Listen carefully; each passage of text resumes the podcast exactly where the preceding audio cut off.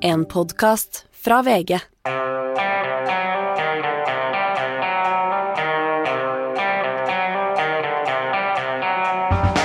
Forhandlinger mellom Ukraina og Russland i Hviterussland. Og LO-topper rykker ut mot Hadia Tajik. Dette er Giæver og gjengen. Det er mandag den siste dagen i februar. Ja, eh, Per Olav Ødegaard, har du, har du hatt noe fri siden, uh, siden Russland angrep Ukraina i forrige uke? Nei, ikke særlig mye fri. Det har bare vært litt luftepauser av og til, men jeg må jo si at det har gått litt i ett. Men sånn må det jo være i en sånn situasjon. Det er jo ikke Jeg kan ikke huske sist Eller vi har ikke opplevd en sånn krise, tenker jeg. Um, Nei, jeg tenkte det er altså 11. september.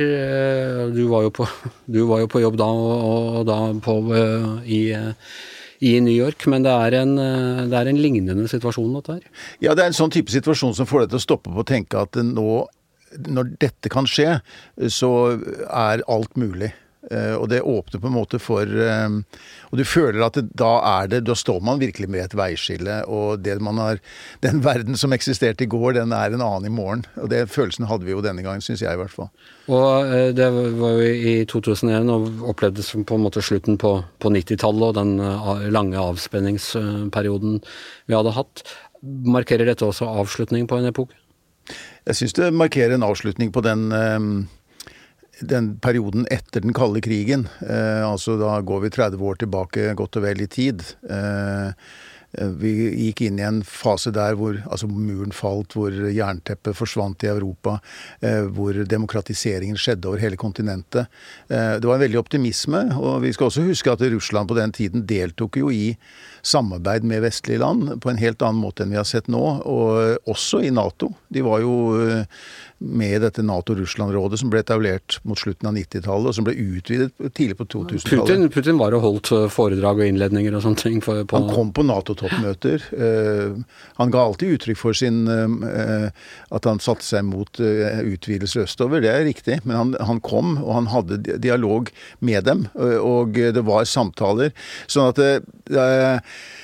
vi hadde jo en tro på at det var en annen periode vi har gått inn i, hvor dette her var et tilbakelagt stadium. Så dette som skjer nå, er jo en, bare en dramatisk tilbakevending til mye av det vi kjente fra den kalde krigen. Og eh, også etter 11.9 så var det også en slags følelse at man hadde da en felles fiende i religiøse fanatikere. At liksom eh, det veldig materialistiske russiske eh, systemet sto sammen med Europa og USA mot denne irrasjonelle uh, ideen om å, tilbake til et land type middelaldersamfunn? Ja, det er, det, er, det er, riktig. Det var jo, man, Da sto jo veldig store deler av verden sammen, eh, og Russland også, i den forstand. Men eh, eh, og det var jo Det, det startet jo, det innledet jo en, en, en krig mot terror som har vart i 20 år, og den er jo ikke avsluttet, den heller.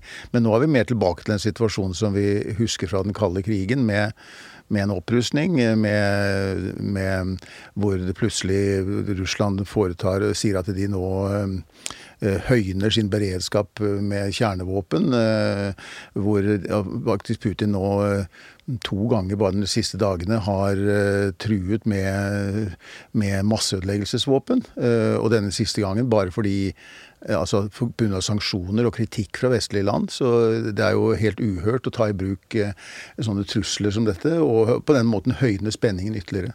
Så er det altså møter da i, eh, i Hviterussland mellom, eh, mellom russerne og ukrainerne. Hva i all verden kan komme ut av et sånt møte? Hva er Eh, skal, skal, altså Russerne er jo fortsatt på offensiven. Det sies at det er en uh, kjempekonvoi på, på vei mot Kiev. Hva slags innrømmelser kan ukrainerne i teorien gjøre som skal få slutt på disse krigshandlingene?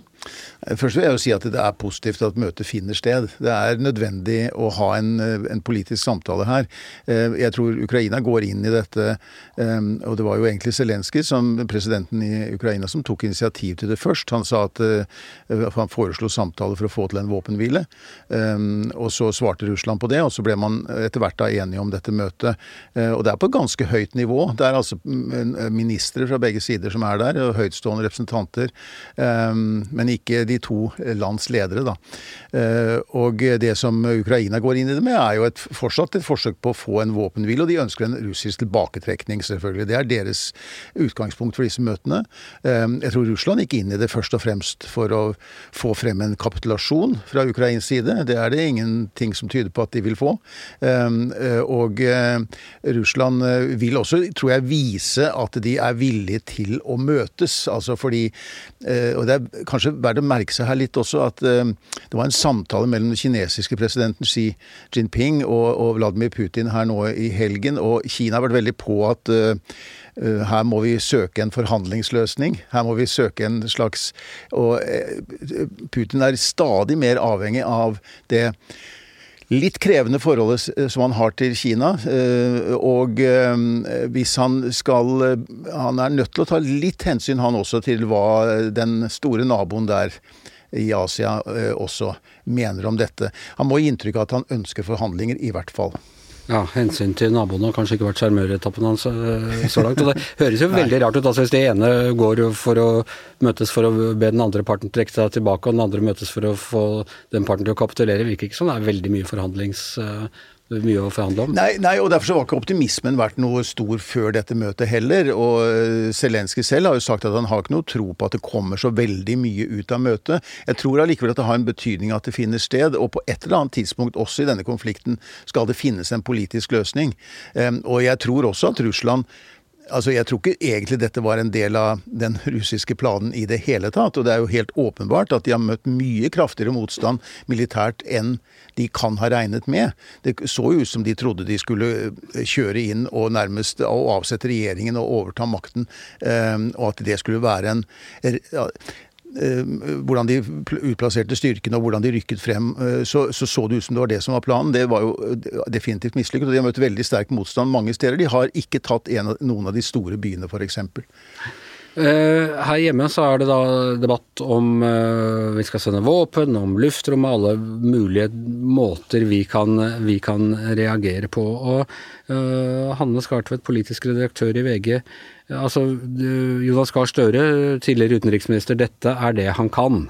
Uh, har han uh, håndtert uh, denne krigen og denne situasjonen og den kjempeutfordringen vi nå står i, på en tilfredsstillende måte? Ja, jeg syns absolutt det. Både med sine internasjonale kontakter og her hjemme. Han, dette er et felt han kan veldig, veldig godt. Men uh, det er murring fra opposisjonen. Vi ser uh, Venstre er uh, Venstre er virkelig ute og, og, er tøffe i språket. Og du har, du har sett en del kritikk fra andre også om at ja, dette at vi ikke liksom har forpliktet oss på samme måte til å sende, sende, våpen og, og stengingen av luftrommet og alle disse tingene. Er det er det greit at vi har eh, At eh, man merker en utenrikspolitisk opposisjon i en sånn situasjon, eller burde de nå bare samle rekkene bak regjeringen? Jeg er overrasket over noen av utspillene. Jo, I forrige uke kritiserte vi jo fire Høyre-representanter som uh, gikk ut og ba om mer pågåenhet i, i Ukraina-konflikten. Når det brenner sånn som dette, så har vi tradisjon i Norge for at, de, at, man stiller seg bak regjeringen. Det er krise, utenrikspolitikken ligger fast, og folk slutter opp om det. Og da Guri Melby gikk ut slik som hun har gjort nå, ganske solo egentlig, så syns jeg det også er overraskende.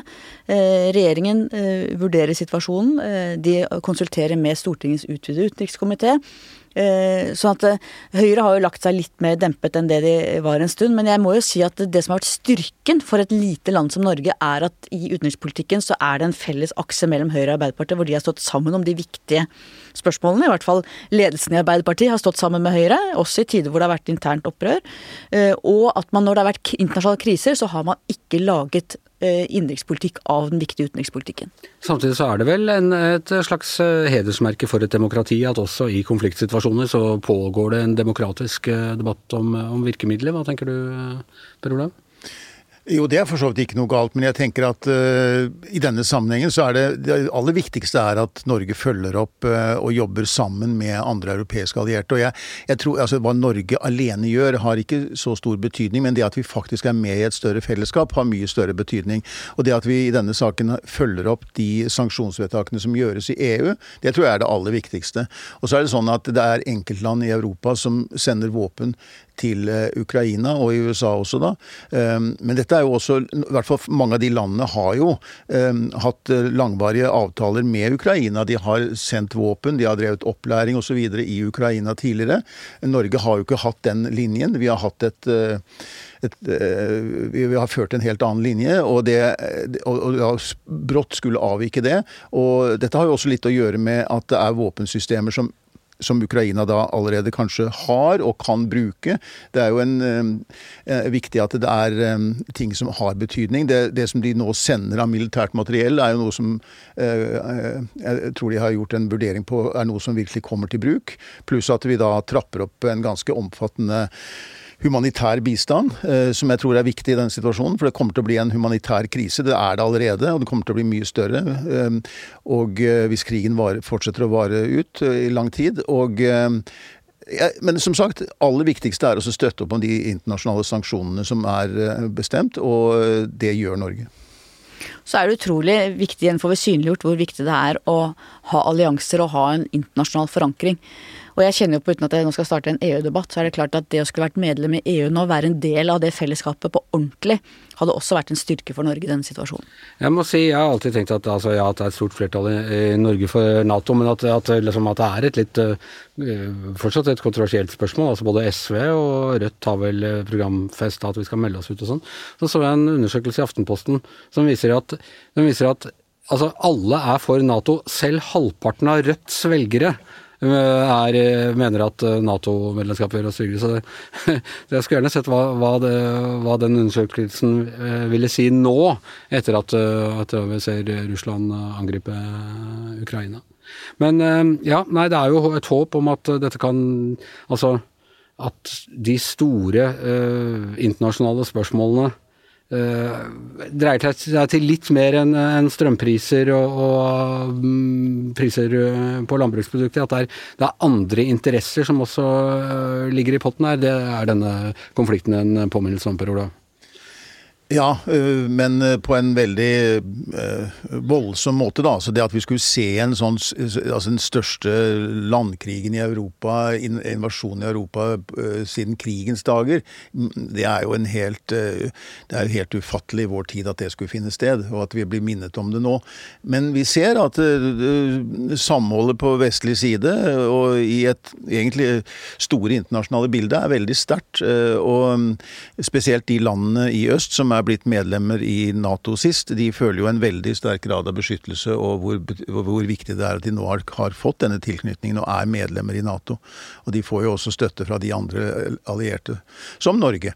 Og det tror jeg er viktig i den situasjonen vi står i. Og så ser vi også at også i miljøer hvor man gikk veldig langt i å diskreditere Vesten og USA og, og, de opplysningene de kom med, og kjøpe forklaringene til Russland. Også de miljøene har for det aller meste reagert med, med skrekk og, og avsky på, på, denne okkupasjonen. Så det er ganske, opplever at det er en ganske samlet forståelse i Norge om hva man tenker om denne krigen. Ja, og det er jo øh, paradokset sett fra Putins side, vil jeg tro. At øh, han har lenge, i mange mange år, ønsket å splitte Vesten. Det han nå gjør, samler Vesten på en måte vi ikke har sett på mange, mange mange år. De samler mot han. Mot han. Og det skjer også en oppvåkning i Russland, i opposisjonen mot krigen der det krever et uh, ganske stor grad av mot å si sin mening i sånn som situasjonen er i Russland. Og nå er det siste tallet jeg så, så var det godt over 5000 mennesker som har blitt uh, arrestert i forbindelse med de fredsdemonstrasjonene som har pågått ja, jeg tror hver dag nå, i flere titalls russiske byer. Ja, og Det krever litt mer mot enn det krevde for meg å skifte profilbildet mitt på Facebook med, med ukrainsk flagg, som er liksom de, de tingene vi bidrar med, med her i, i Norge. Det skal noe til å vippe krigen, eh, angrepskrigen Russland har startet mot eh, Ukraina, eh, ut av uh, nyhetsbildet et øyeblikk, men det har uh, Hadia Tajik klart. I dag så går de tre største LO-toppene, uh, Fellesforbundets Jørn Eggum, LO-leder Peggy Hessen Følsvik og Fagforbundets leder Mette Nord, sammen ut og krever at hun gjenoppretter tilliten i pendlerboligsaken. Jeg bare starte med å spørre deg, Hanne Skvartveit, politisk redaktør med en gang. Er det mulig å være arbeidsminister med de tre der mot deg? Nei, det er ikke lett. Vil, eh, det er farlig å spå om framtida, men jeg vil si at det er nesten umulig. Ja. Og Tone Sofie, eh, hva er det de tre eh, reagerer på? Hvorfor føler de at de skal inn i denne saken, som jo egentlig er en sak mellom, mellom administrativ sak i regjeringen? Ja, må det jo sies at eh, de alle tre sitter jo i Arbeiderpartiets eh, mektige sentralstyre, som har eh, møte nå i dag, mens vi prater, faktisk, og er jo viktige stemmer i Arbeiderpartiet. Og det de sier, da liksom, De sier jo ikke at de ikke har tillit til henne, men de sier at hun må svare på spørsmål, at hun ikke har gjort det. Eh, helt stikk i strid med det Ap-leder Jonas Gahr Støre hele tida kommenterer. Han sier jo det at Hadia Tajik svarer på spørsmål, eh, så de sier her noe helt annet. Eh, det de også sier, er at hun Det ser ut som at hun eh, tåkelegger eh, saken, blander sammen eh, ting. Og så det som er kanskje virkelig drepende, er jo det som antydes, at eh, eh, det reageres skarpt på det her eh, rundt i LO. At det er en opplevelse av at som NAV, særlig som Nav-minister, men også med det å lede viktige arbeidsspørsmål, så, så må du ha tillit til at uh, du har uh, de rette vurderingene. Du kan ikke være andre regler for deg enn for andre. Nei, og da er det selvfølgelig hele den Nav-skandalen eh, som også ligger til bunn, hvor, hvor, hvor, folk rett og slett har gått i fengsel for å, for å eh, påstå at de ikke har gitt eh, tilstrekkelige opplysninger. Ja, den ligger jo selvfølgelig under, eh, men også Det er noe som kommer fram omtrent hver gang en politiker har gjort en feil og sier at 'jeg skjønte ikke', eller 'jeg gjorde en feil', eller 'jeg misforsto'. Eh, så blir man jo sammenligna med Nav-klienter som eh, møter en ganske nådeløs dom hvis de gjør en feil, selv om de har en god forklaring på det. Og det var nok ganske overraskende at disse tre LO-toppene gikk så tydelig ut, for det har jo vært en påfallende taushet i Arbeiderpartiet den siste uka. Mange har også stussa litt på det. og Vi har jo merka oss at verken de som forsvarer Hadia Tajik, eller de som er kritiske til henne, det koker jo veldig mye under overflaten her, har våga å sagt noe høyt til mediene. Så har det jo vært andre saker som selvfølgelig har uh, fått mer oppmerksomhet den siste uka. Ja, det må man si til, til statsministerens uh, forsvar at han har hatt uh, mange ting å holde på med. Men når disse tre, som altså som du påpeker, de er sentralstyremedlemmer, de leder uh, De er toppene i det, det faglig politiske samarbeidet. Dette dette er deres uh, departement. Det er det uh, som Hun leder det departementet som, som regulerer arbeidslivet uh, i Norge. Og når, når, de tre går ut på den måten, er det en mistillit fra, fra deres side også til statsministerens håndtering av saken? Jeg tror i hvert fall det er et veldig tydelig signal om at denne saken må tas på mye større alvor enn um, de opplever at uh, partiet har gjort. Og så er det jo et bakteppe her at uh, uh, etter at Tajik ble arbeidsminister, så har det vært en opplevelse av at hun har vært en slags stjerne i regjeringa. Hun har virkelig levert politikk på deres område. LO har vært veldig fornøyd med henne politisk. og jeg hørte også en del LO-topper nylig omtalte henne som eh, den beste arbeidsministeren Norge har hatt siden 1977. Et veldig fint år for øvrig. Eh, så jeg opplever ikke at det her er politisk, selv om det ikke er sånn tradisjonelt hennes maktbase. Eh, min opplevelse, i hvert fall når jeg snakka med folk, at at det er så mye tilbakemeldinger fra vanlige medlemmer og som kommer liksom fra gulvet, som har nådd dem, som gjør at uh, Arbeiderpartiet, som er et parti som snakker veldig mye om vanlige folk, uh, ikke kan leve med at det ser ut som man ikke tar det på alvor når en av deres egne havner i en sånn situasjon. Ja, hva sier du, Hanne? Er, eh, er, har statsministeren håndtert denne saken dårlig? Jeg vil nok si at det er Hadia Tajik selv som har håndtert den veldig dårlig. Eh, vi vet jo ikke om hun f.eks. har orientert eh, statsministeren og sine foresatte før sakene kom. Vi har, både, vi har jo eh, jobbet med saken lenge her i VG og bedt henne om svar lenge. Man kan jo lure på om denne kom litt bardus på Jonas Gahr Støre.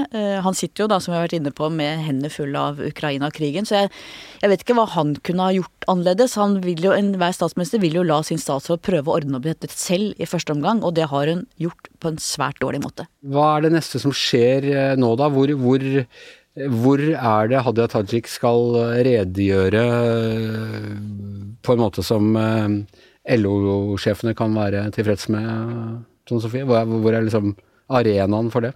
Hun sier i hvert fall i, i vår sak at Eh, hun gleder seg til å redegjøre for eh, LO-toppene om, eh, om, den saken. Jeg vil tro at, at, det vil skje i sentralstyremøtet. Og jeg er jo også spent på om det er andre som vil ta ordet stille spørsmål. For det er, jo, det er jo mye som ligger under her. Det ene, vi har snakka om forskjellen på vanlige folk og apetopper.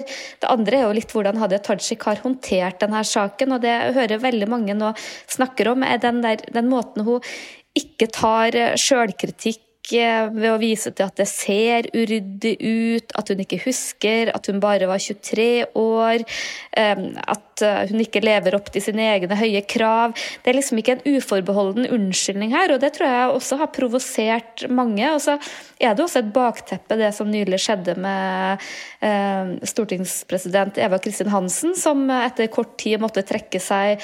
At det ble opplevd som at hun fikk en massiv kritikk både politisk, eh, ble tatt hardere i mediene. og også Man så veldig fort i eget parti at uh, dette kan vi ikke leve med, uansett hvor gode svar eller gode unnskyldninger egentlig har. Så jeg tror det er en del sånne ting som har pipla litt til overflaten uh, de siste dagene. Ja, bare si når vi ser bildet av disse tre LO-toppene her, at hun gleder seg til å redegjøre, redegjøre, for dem. Da er hun tøffere enn meg, det, det, men det er hun helt sikkert. Så, så det, det går nok bra. Nei, jeg stussa altså på at hun gleder seg. Jeg kan ikke helt se for meg at Hadia Tajik gleder seg til å redegjøre om dette. Eh, parallellene Tone Sofie trekker fram, det er en annen parallell også som vi trekker fram i dagens leder, nemlig Kjell Ingolf Ropstad, som måtte trekke seg både som KrF-leder og som statsråd etter at han hadde vært registrert på gutterommet og fått eh, skattefritak på grunnlag av det. Den store forskjellen der er at Ropstad hele tiden hadde gitt korrekt informasjon til sin arbeidsgiver. Det har ikke Hadia Tajik gjort, så langt vi kan se. Og han svarte også på alle spørsmål som kom, og det har heller heller ikke Hadia Tajik så langt gjort. Så det er mange sterke kontraster å trekke mellom Hadia Tajik og andre som har vært i tilsvarende situasjoner her.